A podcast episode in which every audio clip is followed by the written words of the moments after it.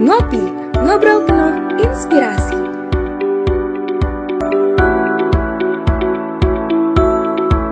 Kenapa sih harus jadi mapres? Selamat malam Sobat Ngulik, gimana nih malam minggunya? Pasti di antara kalian ada yang pulang dari trawe ataupun lagi nugas nih. Tapi tetap nih jangan lupa untuk tonton dan dengerin pod, Ngopi Podcast, ngobrol inspirasi uh, bersama aku Aditya. Dan aku Elvina Dian. Nah, di episode kita kali ini kita kedatangan siapa nih El? Di episode kali ini kita bakal kedatangan narasumber yang hebat banget nih, yaitu Kak Imam Karta Atmaja yang merupakan salah satu mahasiswa berprestasi satu program sarjana IPB 2021. Nah, yaudah deh kita langsung sajut, sambut aja nih Kak Imam okay. Karta Atmaja. Halo Kak, gimana nih Kak kabarnya? Halo Vina, halo Adit. Um, Sampurasun, Assalamualaikum warahmatullahi wabarakatuh.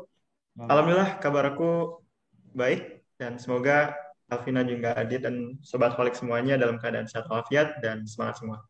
Amin, amin. Oke nih, kita mungkin langsung aja nih ya. Pertama nih, coba uh, Kak Imam kenalin dulu uh, saat ini sedang berkuliah di jurusan apa, angkatan berapa, dan pengen tahu nih dulu milih jurusan itu tuh karena apa nih? Hmm. Oke, makasih Adit atas pertanyaannya. Aku coba jawab secara singkat ya. Perkenalkan lagi, nama aku Herman Nuryaman Karat Maja. Saat ini aku sedang menempuh studi di Sains Komunikasi dan Pengembangan Masyarakat di Fakultas Ekologi Manusia di semester 6. Dan untuk fokus tersendiri, saya fokus di bidang tata kelola sumber daya alam dan lingkungan, di mana fokus kajiannya bagaimana mengelola semacam bagaimana pertambangan ataupun pengelolaan sumber daya alam itu bisa memberikan bermanfaat untuk masyarakat, terus juga menemukan keseimbangan antara relasi antara pemerintah, kemudian bisnis dan juga masyarakat di tengah tersebut. Aku sendiri masuk IPB melalui jalur mandiri, dalam artian jalur ketua OSIS. Jadi pada Seto baru pertama kali dibuka oleh Pak Arief melalui political will-nya Pak Arief itu untuk Pak Arief untuk membentuk uh, kader-kader pertanian dan juga pemimpin bangsa di masa depan. Dan ya sebenarnya dulu gak ada niatan untuk join IPB sih sebenarnya karena dulu benar-benar sejak SMA awal lebih fokus mengejar studi di kampus sebelah di jurusan planologi ataupun perencanaan wilayah dan kota. Tapi karena satu dan lain hal, akhirnya terdampar di sini dan ternyata terdampar di tempat yang menurut aku sangat-sangat sangat-sangat strategis gitu dan tempat yang sangat terbaik itu untuk pengembangan diri maupun uh, pencapaian terhadap cita-cita ke depan. Wah, keren banget ya. Jadi hmm. Kak Imam ini dari jurusan SKPM ya, tahun ketiga. Nah, kalau boleh tahu, selain sebagai mahasiswa ini, uh, kakak ada kesibukan lain nggak sih di luar kampus? Hmm. Oke, okay. thank you Alvina atas pertanyaannya. Jadi sebenarnya aku lebih fokus di luar kampus dalam artian fokus di menurunkan gitu agenda dari Tridharma Perguruan Tinggi yang fokus dalam riset, pengabdian, dan juga pendidikan. Nah, untuk fokus di pengabdian, aku coba salurkan melalui kegiatan organisasi, baik itu sebagai uh, project director di IAS Asia Pasifik, merupakan forum pertanyaan internasional. Terus yang kedua, membangun bersama teman-teman di Yayasan Kembang Desa atau Kembang Desa Foundation. Terus sekarang sedang aktif menggagas Lingkar Muda Priangan Timur sebagai think tank pembangunan di wilayah Penangan Timur yang pada fokusnya membuat policy brief dan yang lainnya dalam artian pengembangan jangka panjang untuk membantu kawasan ekonomi khusus di Priangan Timur dan juga provinsi baru harapannya di Priangan Timur gitu.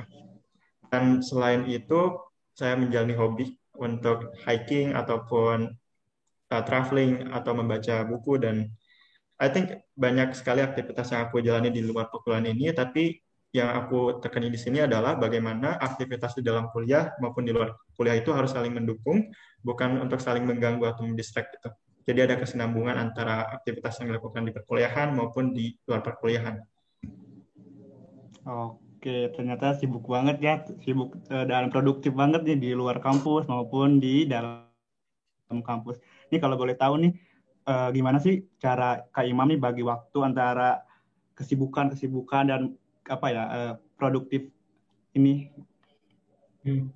Menarik banget tadi pertanyaannya karena itu merupakan pertanyaan yang sekiranya kita selalu concern gitu dalam setiap pertanyaan ataupun dalam setiap webinar terkait uh, kemahasiswaan selalu ditanyakan terkait bagaimana mengelola time management yang baik. Tapi aku coba memberikan pandangan lain dalam artian bukan waktu yang dikelola atau yang dibagi, tapi fokus yang dikelola gitu. Jadi regardless seberapa sibuk kita, tetapi asalkan kita memiliki pola untuk mengatur fokus kita menjalani waktu-waktu tersebut, insya Allah waktu tersebut bakal kita optimalkan dan baik gitu. Jadi selain selain membagi fokus, mana yang sekiranya menjadi skala prioritas, berdasarkan variabel-variabel tertentu, mana yang lebih banyak impact-nya, mana yang lebih prospektif untuk long term, mana yang sekiranya lebih banyak membantu orang, itu yang harus dijadikan skala prioritasnya gitu. Adapun untuk aktivitas-aktivitas lain, yang sekiranya tidak terakomodasi pada hari tersebut atau pada waktu tersebut, kita coba gunakan fungsi komunikasi dan koordinasi gitu. Dan insya Allah kalau misalkan komunikasi yang dibangun itu clear, benar, dan sama-sama ada mutual trust, mutual understanding, dan harapannya nanti ada mutual partnership, itu menurut aku bukan suatu masalah sih terkait agenda ataupun seberapa sibuk agenda. Selain itu, penting bagi kita dalam artian menentukan end game kita mau ke mana dalam artian karena end game aku pada di masa depan ini membutuhkan kerja ekstra dalam artian aktivitas yang sibuk dan yang lainnya sehingga aku sekarang punya mindset gimana caranya untuk membiasakan diri sedini mungkin gitu terkait aktivitas atau agenda yang akan dijalani di masa depan sehingga nanti ketika udah capai usaha atau sampai pada pada tujuannya itu kita udah terbiasa dan punya uh, sistem tersendiri gitu dalam mengelola informasi tersebut. Oke, berarti sangat apa ya terplanning banget nih Kak Imam ini. Oh ya, jadi kita malam ini tuh mau sharing-sharing tentang Kak Imam yang menjadi seorang mapres uh, utama IPB nih. Uh, coba uh, Kak Imam jelasin nih uh, apa sih itu mapres biar kita tuh tahu mapres itu uh, ngapain aja, biar satu persepsi gitu. Oke, Adit, uh, sobat Olik semuanya. Jadi aku coba untuk menjelaskan secara pemahaman aku ya terkait mapres itu seperti apa sebenarnya ada dua pandangan untuk melihat Mapres. Pertama, melihat Mapres as it is, dalam artian Mapres merupakan kompetisi, Mapres merupakan suatu ajang yang diselenggarakan oleh Kemendikbud bagaimana untuk mengukur kesuksesan dari uh, performa kemahasiswaan masing-masing kampus gitu melalui variabel-variabel tertentu, baik itu variabel akademik, variabel non-akademik, perlombaan, dan yang lainnya, atau yang ketiga variabel terkait bahasa Inggris, kemampuan dan kecakapan dalam berbahasa atau linguistik, ataupun variabel terkait impact yang diberikan. Tapi aku coba untuk menelaah lebih dalam sebenarnya Mapres itu apa. Pada dasarnya, Mapres itu secara prinsip merupakan suatu identitas, di mana identitas tersendiri itu merupakan representasi dari kampus ataupun nama mater yang kita wakili gitu. Jadi bagaimana Mapres itu kita menciptakan ataupun membentuk suatu figur di mana figur-figur itu sendiri bisa menjadi representasi dari identitas alma mater uh, kita bernaung gitu. Dan itu sangat penting bagaimana menularkan ataupun menyalurkan value-value dari alma mater tersebut, kemudian identitas dan juga rencana strategis dari kampus tersebut yang sekiranya diinternalisasikan dalam tubuh mapres tersebut. Selain itu banyak ya maksudnya angle-angle lain untuk melihat mapres itu seperti apa. Pada dasarnya mapres suatu figur, tapi tentu kita harus mengukur bagaimana sekiranya peranan atau amanah sebagai mapres ini bisa kita lakukan dengan baik dengan cara ya kita harus mengkolektifkan gitu ataupun menginternalisasikan values-values ataupun hal-hal yang sekiranya perlu diagendakan oleh alma mater. Oh, jadi mapres itu secara prinsip merupakan identitas untuk membentuk suatu figur dari identitas alma mater itu sendiri ya kak dan bagaimana uh, Mapres tersebut menginternalisasikan value-value dari alma mater tersebut ya Pak. Betul, tepat banget uh, Afina dan Sobat Malik. Ya. Nah, uh, selanjutnya aku mau nanya lagi dong Kak, boleh nggak sih diceritain tahapan-tahapan yang dilewati selama menjalani proses seleksi mahasiswa berprestasi ini? Dan menurut Kakak, uh, apa hal yang paling menarik selama proses seleksi ini berlangsung? Oke, okay. uh, makasih banyak Alvina pertanyaannya. Jadi, uh, Sobat Holik semuanya, untuk secara formal sebenarnya seleksi pelamapres ini menjadi uh, dibagi menjadi tiga tahap baik itu pertama seleksi di tingkat departemen terus yang kedua seleksi di tingkat fakultas dan terakhir seleksi di tingkat IPB atau ya tingkat institusi IPB. Nah, adapun untuk apa-apa saja yang sekiranya dipersiapkan atau yang dilakukan pada saat seleksi di tingkat departemen, fakultas maupun di IPB pada dasarnya sama dalam artian mengacu pada komponen yang tersedia dalam panduan Ilmapres nasional gitu. Pertama dari segi karya tulis unggulan, di mana karya tulis unggulan itu kita harus menuangkan ide gagasan kita kepada karya tulis tersebut yang sekiranya relevan gitu dengan major ataupun dengan departemen yang kita uh, you know, naungi.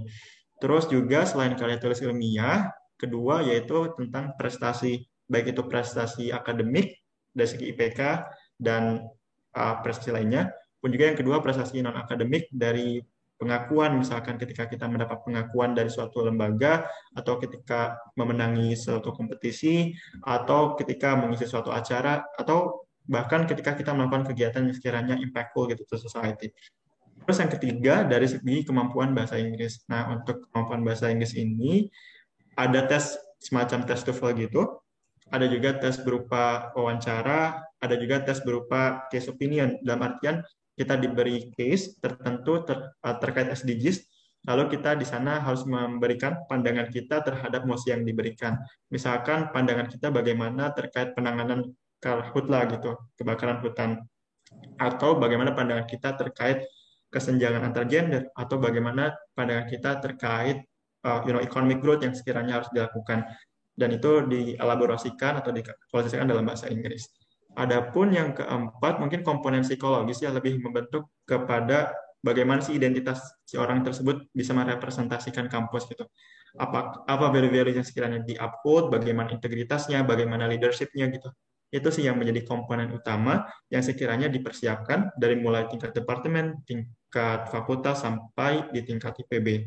Nah, untuk di tingkat IPB sendiri pada tahun kemarin ada sedikit perbedaan format mungkin karena sama-sama maksudnya memiliki kualitas ataupun kapasitas yang cukup mumpuni keseluruhannya jadi kita dibagi menjadi dua sesi yaitu pertama untuk bootcamp yang terdiri dari 6, sekitar 16 peserta lalu setelah itu diadakan juga penjaringan menjadi uh, lima finalis untuk sarjana dan dan dua uh, finalis untuk vokasi dan setelah itu dilakukan lagi pembinaan atau bootcamp secara intensif sehingga terpilihlah gitu uh, representasi dari IPB pada akhirnya.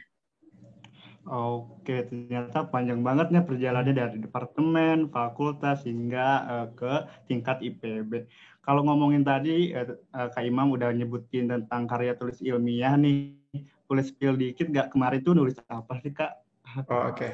uh, makasih Adit. Sebelumnya aku tadi ada sedikit yang terlewat dalam segi pelajaran apa ya yang sekiranya didapat gitu. Pada dasarnya kemarin sungguh merupakan anugerah tersendiri ya bisa menjadi pembelajar gitu belajar banyak terutama untuk belajar menjadi diri sendiri dan belajar untuk menemukan uh, performa diri yang sekiranya at its fullest gitu. Dan yang kedua belajar bagaimana sekiranya berhubungan dengan orang lain termasuk untuk belajar untuk bersahabat gitu dengan teman-teman yang lain di Pres ternyata di Pres itu bukan tentang kompetisi tapi bagaimana kita menjadi suatu keluarga yang sekiranya saling mendukung gitu. Jadi ada collective growth, bukan individual santris gitu, tapi lebih ke kerjasama apa yang sekiranya bisa dibantu satu sama lain, termasuk dari citra misalkan dan dan finalis-finalis lainnya. Adapun untuk pertanyaan dari Adit terkait KTI sendiri, karena aku majornya di Departemen SKPM dan salah satu agenda yang sedang digaungkan oleh KPM itu terkait regenerasi petani jadi topik untuk kreatus ilmiah itu aku uh, tentang uh, regenerasi petani. Adapun untuk gagasannya berupa paradigma ataupun pandangan atau kebijakan yang sekiranya terintegrasi gitu.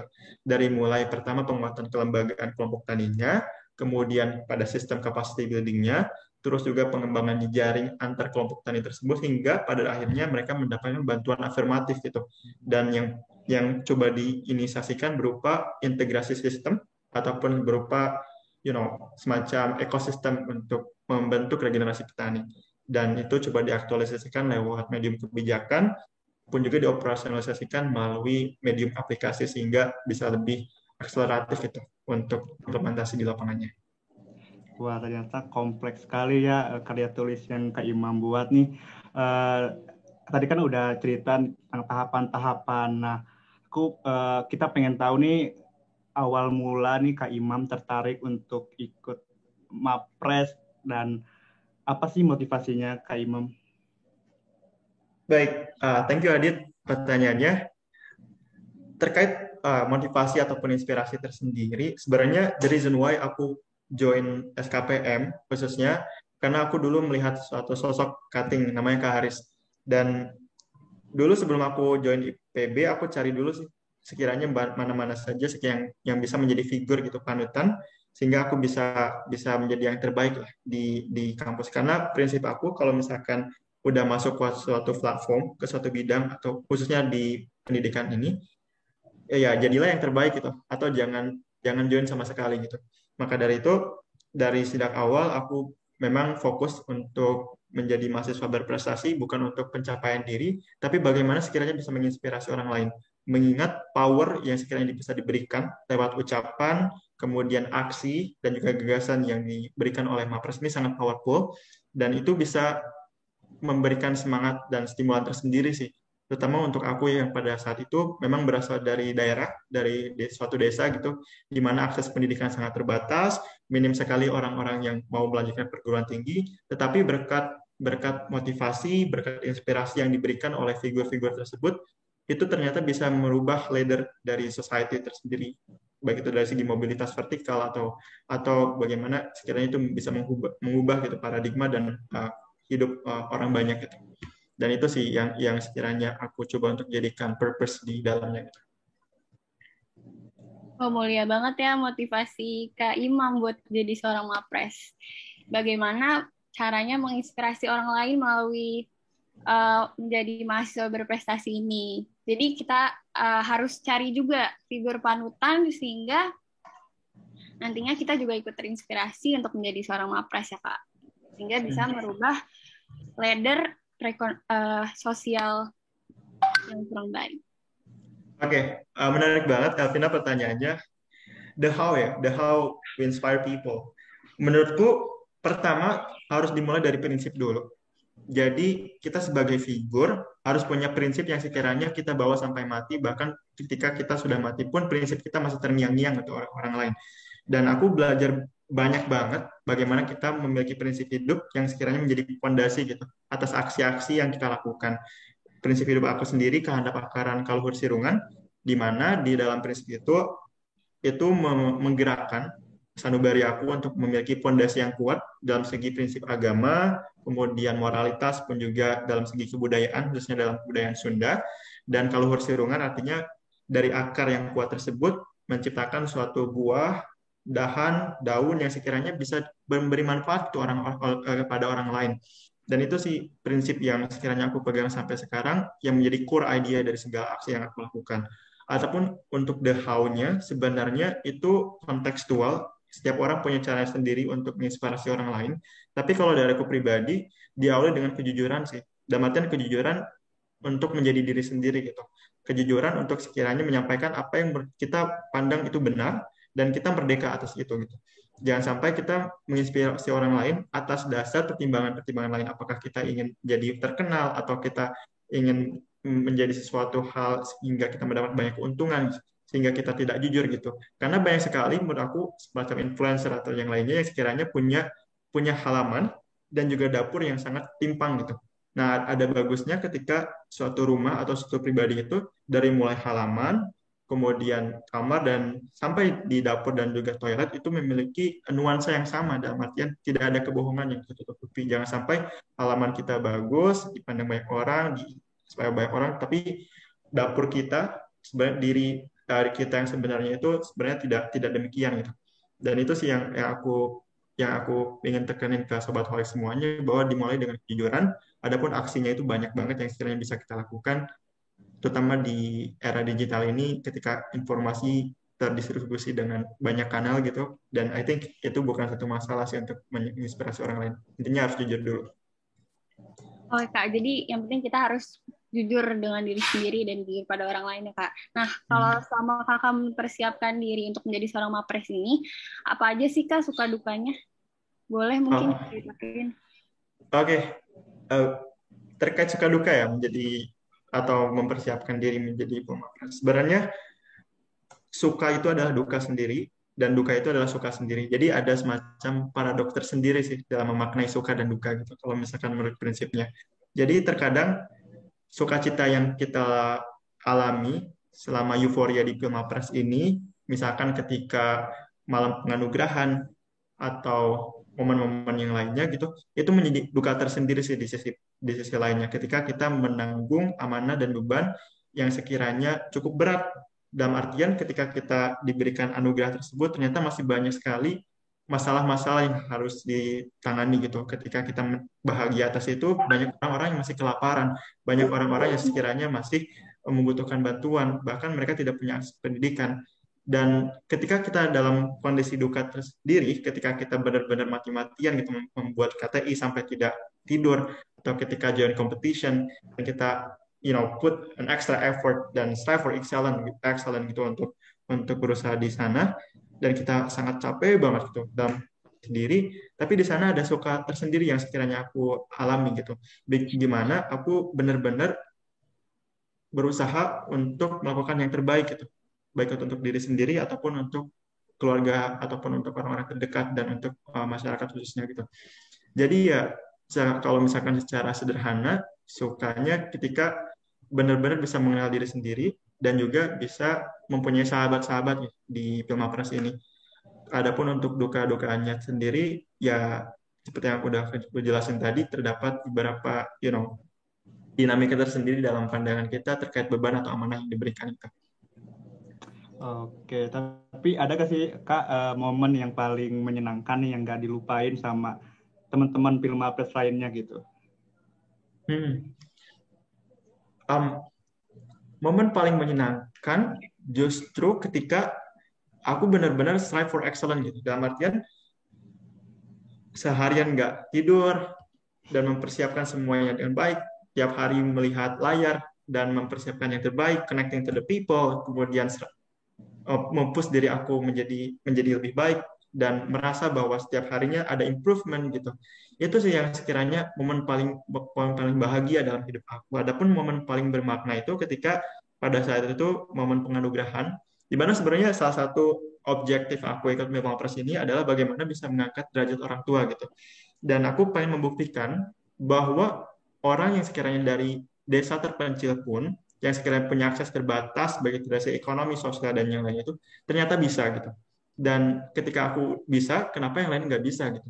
Dan bukan alasan juga bagi orang-orang yang berasal dari you know kalangan ekonomi di bawah piramida ataupun di ya you know dari dari keluarga yang sekiranya kurang beruntung untuk tidak menjadi yang terbaik gitu. Dan itu sih yang sekiranya momen paling bermakna ketika bisa memberikan tangis bahagia gitu untuk orang tua dan bisa membuktikan dan menyatakan pada orang tua bahwa didikan ayah dan ibu itu ternyata sangat bermakna dan sangat berhasil gitu. Dan ini momen aktualisasi diri aku untuk bisa mencintai kedua orang tua aku gitu atas usaha-usaha yang diberikan atau usaha-usaha yang dikorbankan oleh mereka berdua gitu. Oke, wah dengar cerita Kak Imam tentang momen bahagianya kayak vibes-nya tuh nyampe ke kita gitu ya. Oke nih Kak, uh, kalau Mapres ini sih apa saja sih keuntungan dari seorang Mapres? Nah, untuk title Mapres ini itu berpengaruh gak sih untuk nanti dunia pasca kampus sendiri? Hmm. Oke, okay. menarik banget ya Adit pertanyaannya karena mungkin itu juga yang jadi concern banyak orang ketika mereka coba mencapai suatu titik karena mencari keuntungan yang didapat atau hal-hal utilitarian gitu. Tapi kalau aku sendiri punya pandangan yang berbeda ya dalam dalam motivasi mengejar Mapres ini sendiri, bukan mengejar sesuatu yang sekiranya bisa ngasih uh, manfaat atau keuntungan yang sifatnya self-centris, tapi aku lebih mencari terkait prinsipnya sih. Dalam artian prinsip di Mapres ini ketika aku benar-benar mempush diri aku untuk menjadi the best version of my life gitu. Dan yang kedua ketika benar-benar dalam film Mapres ini aku coba untuk merubah perspektif atau coba merubah persepsi sosial yang ada gitu bahwa dengan banyak keterbatasan toh kita bisa mampu gitu. Terus yang ketiga prinsip-prinsip yang didapatkan ketika kita benar-benar menginternalisasi nilai-nilai dari alma mater yang sekiranya udah ngasih banyak sekali ilmu pengetahuan bagi diri kita, kesempatan bagi diri kita dan ini momen terbaik bagi diri aku dan dan orang-orang lainnya yang sekiranya menjadi Mapres gitu untuk benar-benar giving back to to the campus gitu untuk bisa menjadi pribadi yang kampus inginkan gitu. Dan itu merupakan suatu amanah yang sekiranya sangat ber, berkesan ya bagi diri aku gitu untuk untuk menjadi tujuan reason why I'm joining this event gitu.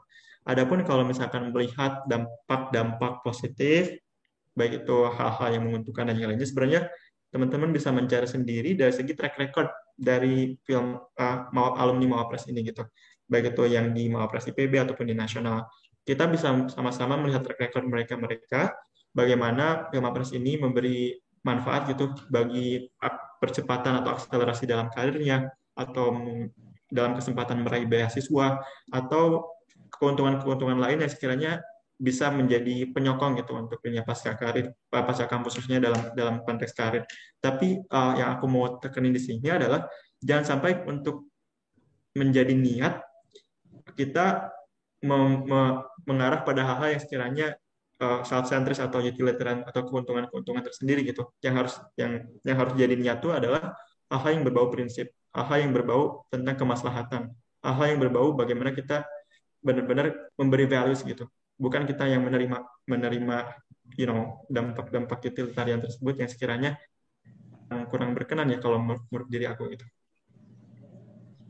Uh, jadi kak, kalau jadi seorang mapres itu bukan cuma tentang memperoleh benefit utilitarian untuk diri sendiri ya kak, tapi bagaimana uh, menjadi seorang mapres ini dapat mempush diri kita untuk menjadi the best version of ourselves nih dan juga menginspirasi banyak orang serta menginternalisasi value-value dari alma mater kita kepada orang banyak.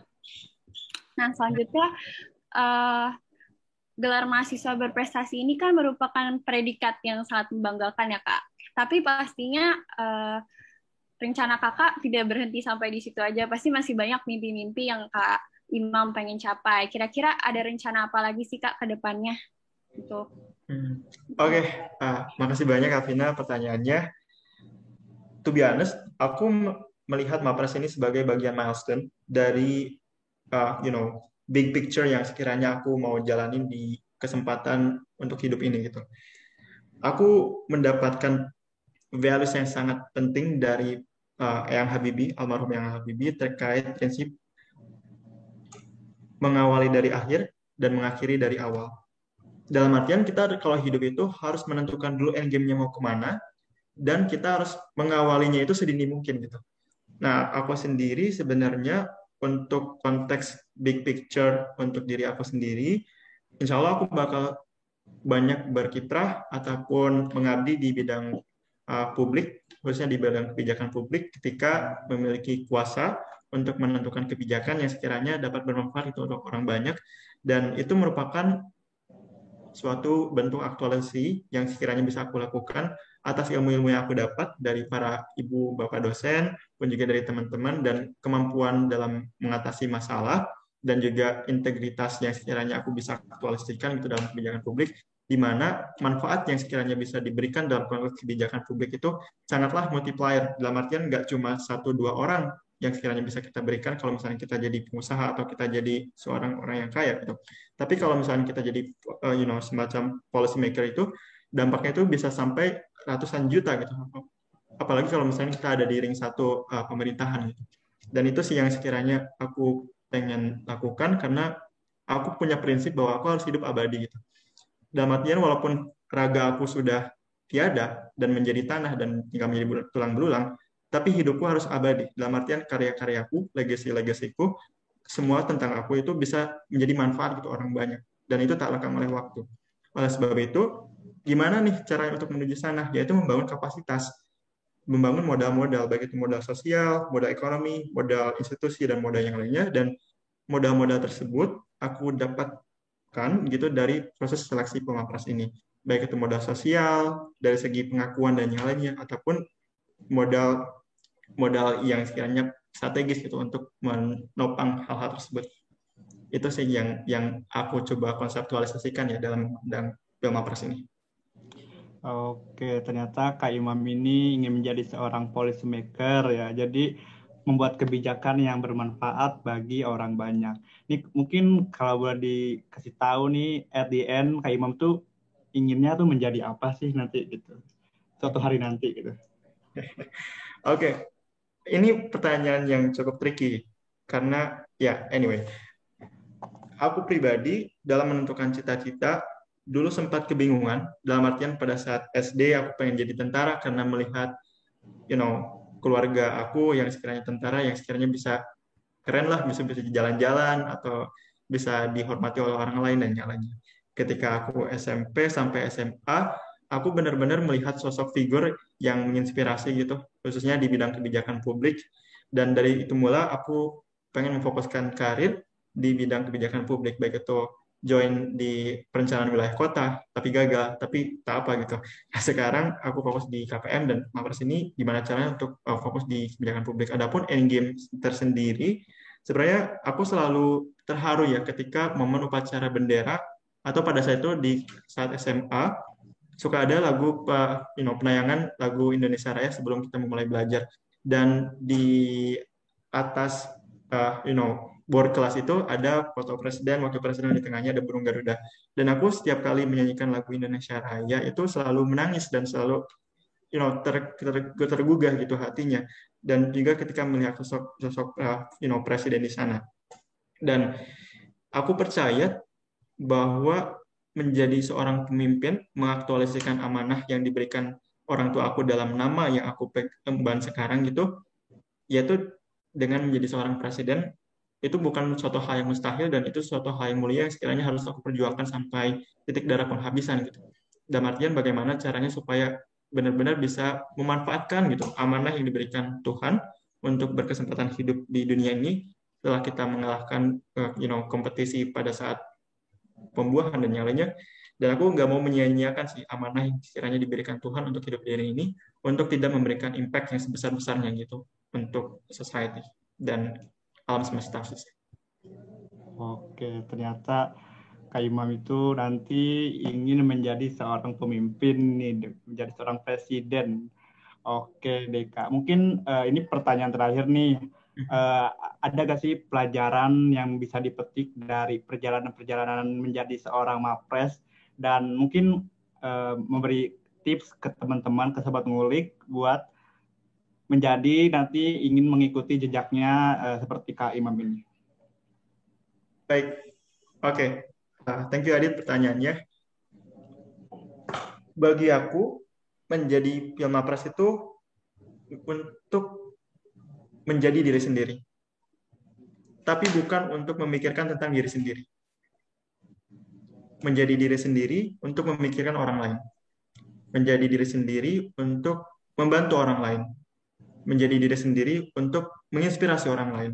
Dan itu sih yang aku pelajari dari uh, sepanjang proses di Pilmapres ini, dari mulai pendaftaran di tingkat departemen sampai saat ini sedang berjuang menuju nasional, itu sih yang yang paling aku uh, you know values dari dari setiap uh, value change dari hidup aku sendiri gitu. Ketika aku merasa bahwa setiap harinya aku merasa semakin menemukan gitu diri aku yang sebenarnya dan aku semakin yakin atas diri itu sendiri. Tapi semakin aku yakin terhadap diri aku tersebut atas identitas yang aku yang aku miliki semakin aku yakin juga bahwa banyak sekali amanah dan juga you know tanggung jawab sosial yang sekiranya aku harus berikan dan aku distribusikan kepada hal yang banyak itu dari mulai orang-orang terdekat. Dan itu yang sekiranya harus harus menjadi you know lesson learn aku selama proses pemapres ini bahwa kalau misalkan jadi pemapres bukan mahasiswa berprestasi bukan tentang dirimu, tetapi tentang apa yang bisa kamu perbuat. Wah, jadi kalau untuk menjadi mapres, kita selain menjadi diri sendiri, tapi juga belajar untuk bermanfaat bagi orang lain ya, Kak. Hmm. Nah, mungkin segitu dulu dari kami, karena waktunya sudah hampir habis. Iya. Nah, tidak terasa kita sudah berbincang cukup lama sama Kak Imam. Perbincangan yang tadi seru banget pada malam minggu kali ini dan tentunya insight yang didapat dari Kak Imam banyak banget yang bisa kita ambil. Seperti contohnya tadi, uh, be honest, be, be humble, and keep inspiring to others. Walaupun raga nanti sudah tiada, tapi masih bisa bermanfaat bagi orang lain. Oke, wah emang gak kerasa nih waktu kita ngobrol-ngobrol penuh inspirasi bersama Kak Imam ini. Uh, kita uh, berdua Elvina dan Aditya mau ngucapin terima kasih banyak nih ke Kak Imam yang udah nyempetin waktunya buat kita kulik-kulik nih ya El. Mm -mm. Makasih banyak Kak Imam. Makasih banyak Elvina, Adit, kawan-kawan semua, dan Miss Linda. Oke teman-teman, uh, sobat ngulik semua, uh, kita uh, Aditya dan Elvina pamit undur diri, tapi tetap jangan lupa untuk uh, like, ke komen dan share uh, podcast ini ke teman-teman kalian dan kalian juga bisa dengerin podcast ini di uh, akun Spotify Center of Management dan juga YouTube Himpunan Profesi Center of Management IPB. Saya Elvina Dian Paramita dan rekan saya Aditya Di Prayoga, pamit undur diri. Uh, wassalamualaikum warahmatullahi wabarakatuh. Sampai jumpa di episode Ngopi Podcast selanjutnya. See you. Terima kasih untuk Sobat Ngulik yang udah ngedengerin Ngopi Podcast kali ini. Dan jangan lupa untuk tetap stay tune di Ngobrol Penuh Inspirasi selanjutnya.